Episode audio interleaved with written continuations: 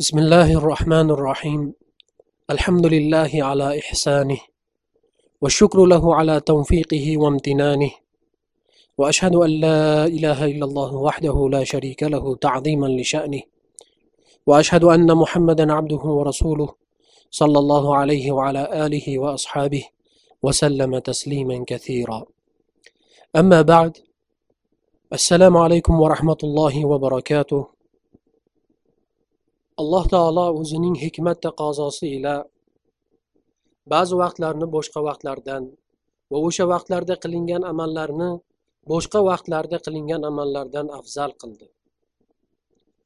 Ana shunday afzal vaqtlardan muborak ramazon oyi bo'lib bu oy va bu oyda qilingan amallar boshqa oylardan va boshqa oylarda qilingan amallardan afzaldir. Va shuningdek ramazon oyining oxirgi o'n kuni avvalgi kunlaridan afzal bo'lib shu oxirgi o'n kunni ichida ham bir kecha bor u kecha ana shu oxirgi o'n kundan ham afzaldir va u kecha qadr kechasidir. Alloh taolo qadr surasida xabar berishicha u kecha ming oydan afzaldir. Laylatul qadri xoyrun min alfi shahr. Oxir o'n kunning qadrini oshiruvchi narsalardan yana biri qur'oni karim ham mana shu oxirgi o'n kunda ya'ni ramazonning mana shu oxirgi o'n kunida nozil qilingandir. Ibn abbos roziyallohu anhu aytadilarki alloh taolo qur'onni lavhul mahfuzdan osmondagi baytul izzaga komil holatida nozil qilib so'ng voqealar taqozosiga ko'ra asta sekin rasululloh sollallohu alayhi vasallamga jabroil alayhissalom orqali nozil qilgan rasululloh sollallohu alayhi vasallam mana shunday afzal vaqtlarni g'animat bilib oxirgi o'n kunlikda qadr kechasiga yetish orzusida qattiq ibodatga kirib ketardilar sahih muslimda kelgan hadisda oysha onamiz aytadilarki وكان رسول الله صلى الله عليه وسلم يجتهد في العشر الأواخر ما لا يجتهد في غيره rasululloh sollallohu alayhi vasallam oxirgi o'n kunda boshqa kunlarda qilmagan jiddiy jahdlarini qilar edilar imom buxoriy va imom muslim rivoyat qilishgan hadisda ham oysha roziyallohu anhu كان رسول الله صلى الله عليه وسلم إذا دخل العشر أحيا الليل وأيقظ أهله وجد وشد المئزر رسول الله صلى الله عليه وسلم agar oxirgi o'n kunlik kirsa kechani ibodat bilan tiriltirib ya'ni kechasi bilan ibodat qilib uxlamasdan ahli ayollarini ham ibodatga uyg'otib belni mahkam boylab ibodatga jiddiy jahd bilan kirishardilar deydilar. Va mana shu o'n kun ichida ayollariga ham yaqinlik qilmay balki ularni ham ibodatga chorlar ekanlar. Bugungi darsimiz biz musulmonlarning ko'pchiligini yodidan unutilayozgan agar uni qilsangiz go'yo dinga yangilik kiritgandek odamlarni hayratga soladigan va e'tiborimizdan anchagina uzoq bo'lib ketgan ibodatlardan biri ramazon oyidagi e'tikof ibodati haqida bo'ladi. Vaholanki rasululloh sollallohu alayhi vasallam ba'zi rivoyatlarga ko'ra makkadan madinaga hijrat qilib kelganlaridan beri bu ibodatni tashlamagan ekanlar. Imom buxoriy rivoyat qilishlaricha rasululloh sollallohu alayhi vasallam ba'zi sabablarga ko'ra atiga bir martagina e'tikoflarini buzib u ibodatdan chiqib ramazondan keyin esa shavvol oyida qazosini o'tab bergan ekanlar imom buxoriy va imom muslim sahiylarida kelgan hadisda oysha roziyallohu anhu aytadilarki كان رسول الله صلى الله عليه وسلم يعتكف العشر الأواخر من رمضان حتى توفاه الله ثم اعتكف أزواجه من بعده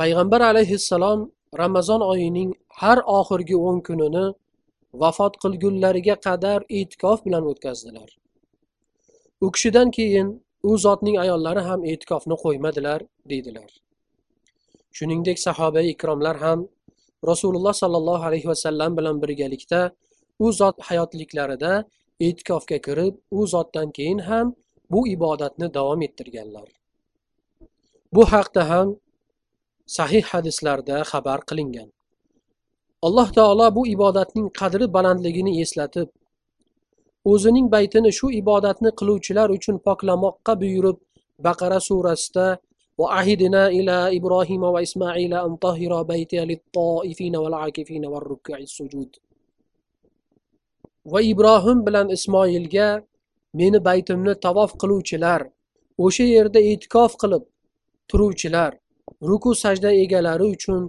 pok tuting deb buyurdik deydi. Ammo keyingi davrlarda ming afsuslar bo'lsinki musulmonlar diniy ta'limotlardan uzoqlashib sunnatlarni bir oz esdan chiqarib bu ibodatga ahamiyatlari kamaydi.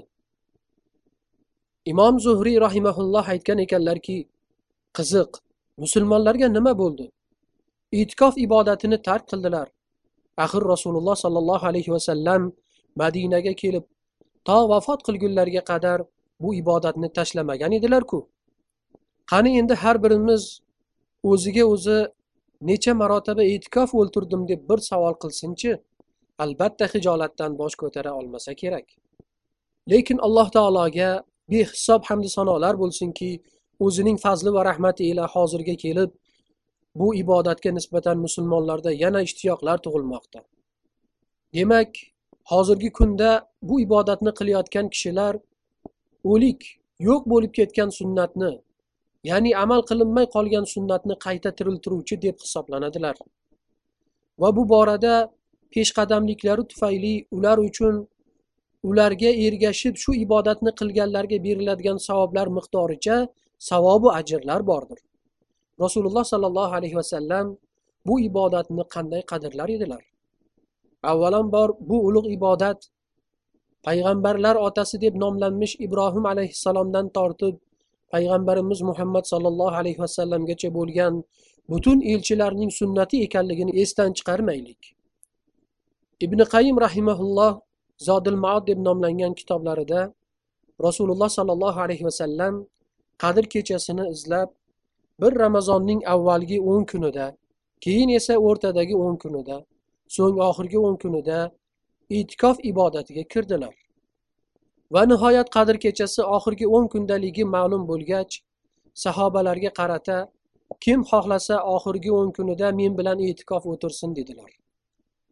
Sahobalar u zot bilan e'tikofga kirishdilar va bundan keyin rasululloh sollallohu alayhi vasallam ham umrlarining oxirigacha ramazonning oxirgi o'n kunini e'tikof bilan o'tkazdilar vafot qilgan yillaridagi ramazon oyida esa yigirma kunlik e'tikofga kirdilar va o'sha yili jabroil alayhissalom bilan qur'oni karimni ikki bor o'qib dars qildilar deydilar imom muslim rivoyat qilgan hadisda oysha roziyallohu anhu aytadilarki كان رسول الله صلى الله عليه وسلم يجتهد في رمضان ما لا يجتهد في غيره وفي العشر الأواخر منه ما لا يجتهد في غيره rasululloh sollallohu alayhi vasallam ramazon oyida undan boshqasida qilmagan g'ayratlar qilar edilar ya'ni boshqa oylarda qilmagan ibodatlarni ramazon oyida ko'paytirar ekanlar va xususan ramazonning oxirgi o'n kunida undan boshqasida qilmagan ya'ni ramazonning boshqa kunlarida ham qilmagan ibodatlarni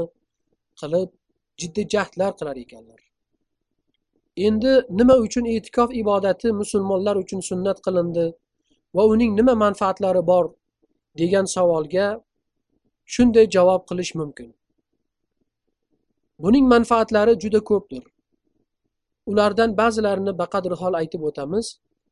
Musulmon kishi rasululloh sollallohu alayhi vasallamning sunnatlariga ergashib shu oxirgi o'n kunlikda toatu ibodatga astoydil bel boylab qadr kechasini axtarmoqligi sunnatdir deydi ulamolarimiz.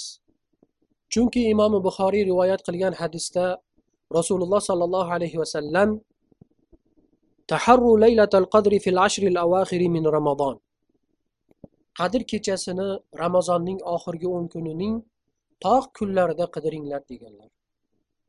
Mana shunday laylatul qadr kechasini mana shunday ulug' ibodatga izlanishlik sunnat ekanligini tushunib oldilar.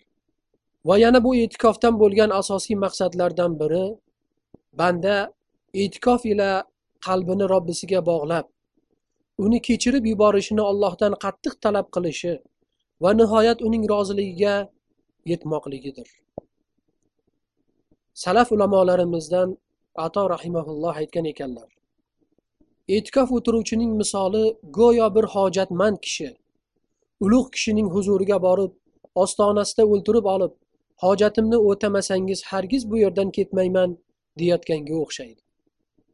Shuningdek masjidda ham e'tikof o'ltirgan kishi robbim meni avf etmasang hargiz bu yerdan ketmayman degandekdir.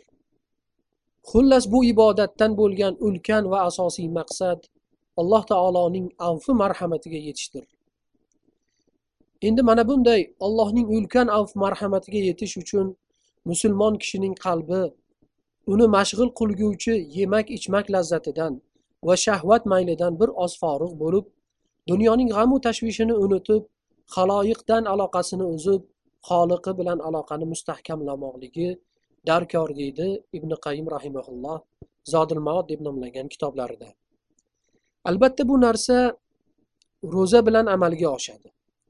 Shuning uchun ham ulamolar e'tikof qilish uchun ro'za bo'lishini shart qilishadi. Aytib o'tganimizdek ro'za tutib insonning shahvoniy hirsi pasayib va haloyiqdan aloqasini uzishi bilan esa fikri xoli bo'lganda fikru zikrini parvardigoriga qaratib kechirim so'rasa ijobatga yaqin bo'ladi.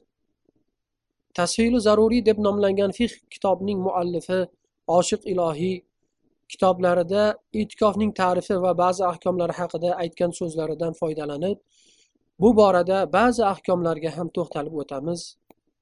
E'tikof olloh uchun taqarrub ya'ni allohga yaqin bo'lish maqsadida masjidda turmoqdir. Ya'ni har turli ibodatlar qilib asosan qur'on o'qish va taroveh qiyomillayl nafl namozlarni ko'paytirish va sadaqotlar qilish va zikru duolar bilan mashg'ul bo'lib turishlikdir. Imom ahmad rahimaulloh e'tikofdagi kishi odamlarga aralashmasligi kerak garchi qur'on o'qitish va ilm berish bo'lsa ham banda faqat alloh taoloning munojotiga forig' bo'lib unga duo qilib uning zikri bilan mashg'ul bo'lishi kerak degan ekanlar. Ha ammo kishi e'tikofga kirib olib o'zini ham boshqa birodarlarini ham lag'v suhbatlarga tortib vaqtini behuda narsalar bilan o'tkazadigan bo'lsa uning e'tikofidan hech qanday foyda bo'lmaydi. Aksincha u o'ziga jabr qilgan bo'ladi. Chunki bunday lag'v so'zlardan ramazondan tashqari vaqtlarda ham qaytarilgandir. Lekin ozroq muboh so'zlar so'zlamoqlikka ruxsat berilgan. Imom buxoriy va imom muslim rivoyat qilgan hadisda rasululloh sollallohu alayhi vasallamni e'tikofda o'tirgan chog'larida ayollaridan biri sofiya roziyallohu anho u zotni ziyorat qilish uchun kelib bir oz gaplashib o'ltirganlar. So'ng qaytib ketayotganlarida payg'ambar alayhissalom u kishini kuzatib qo'ygan ekanlar. E'tikof o'ltirish hukmiga kelsak uning hukmi ramazonning oxirgi o'n kunida sunnati muakkadadir. Agar bir mahalladan bir kishi u ibodatni qilsa boshqalar yelkasidan soqit bo'ladi. Agar biron kishi ham qilmasa ular hammalari sunnatni tashlagan e'tiborida bo'lishadi. E'tikof ibodati juma namozi o'qiladigan jomiy masjidlarda ado qilinishi afzal.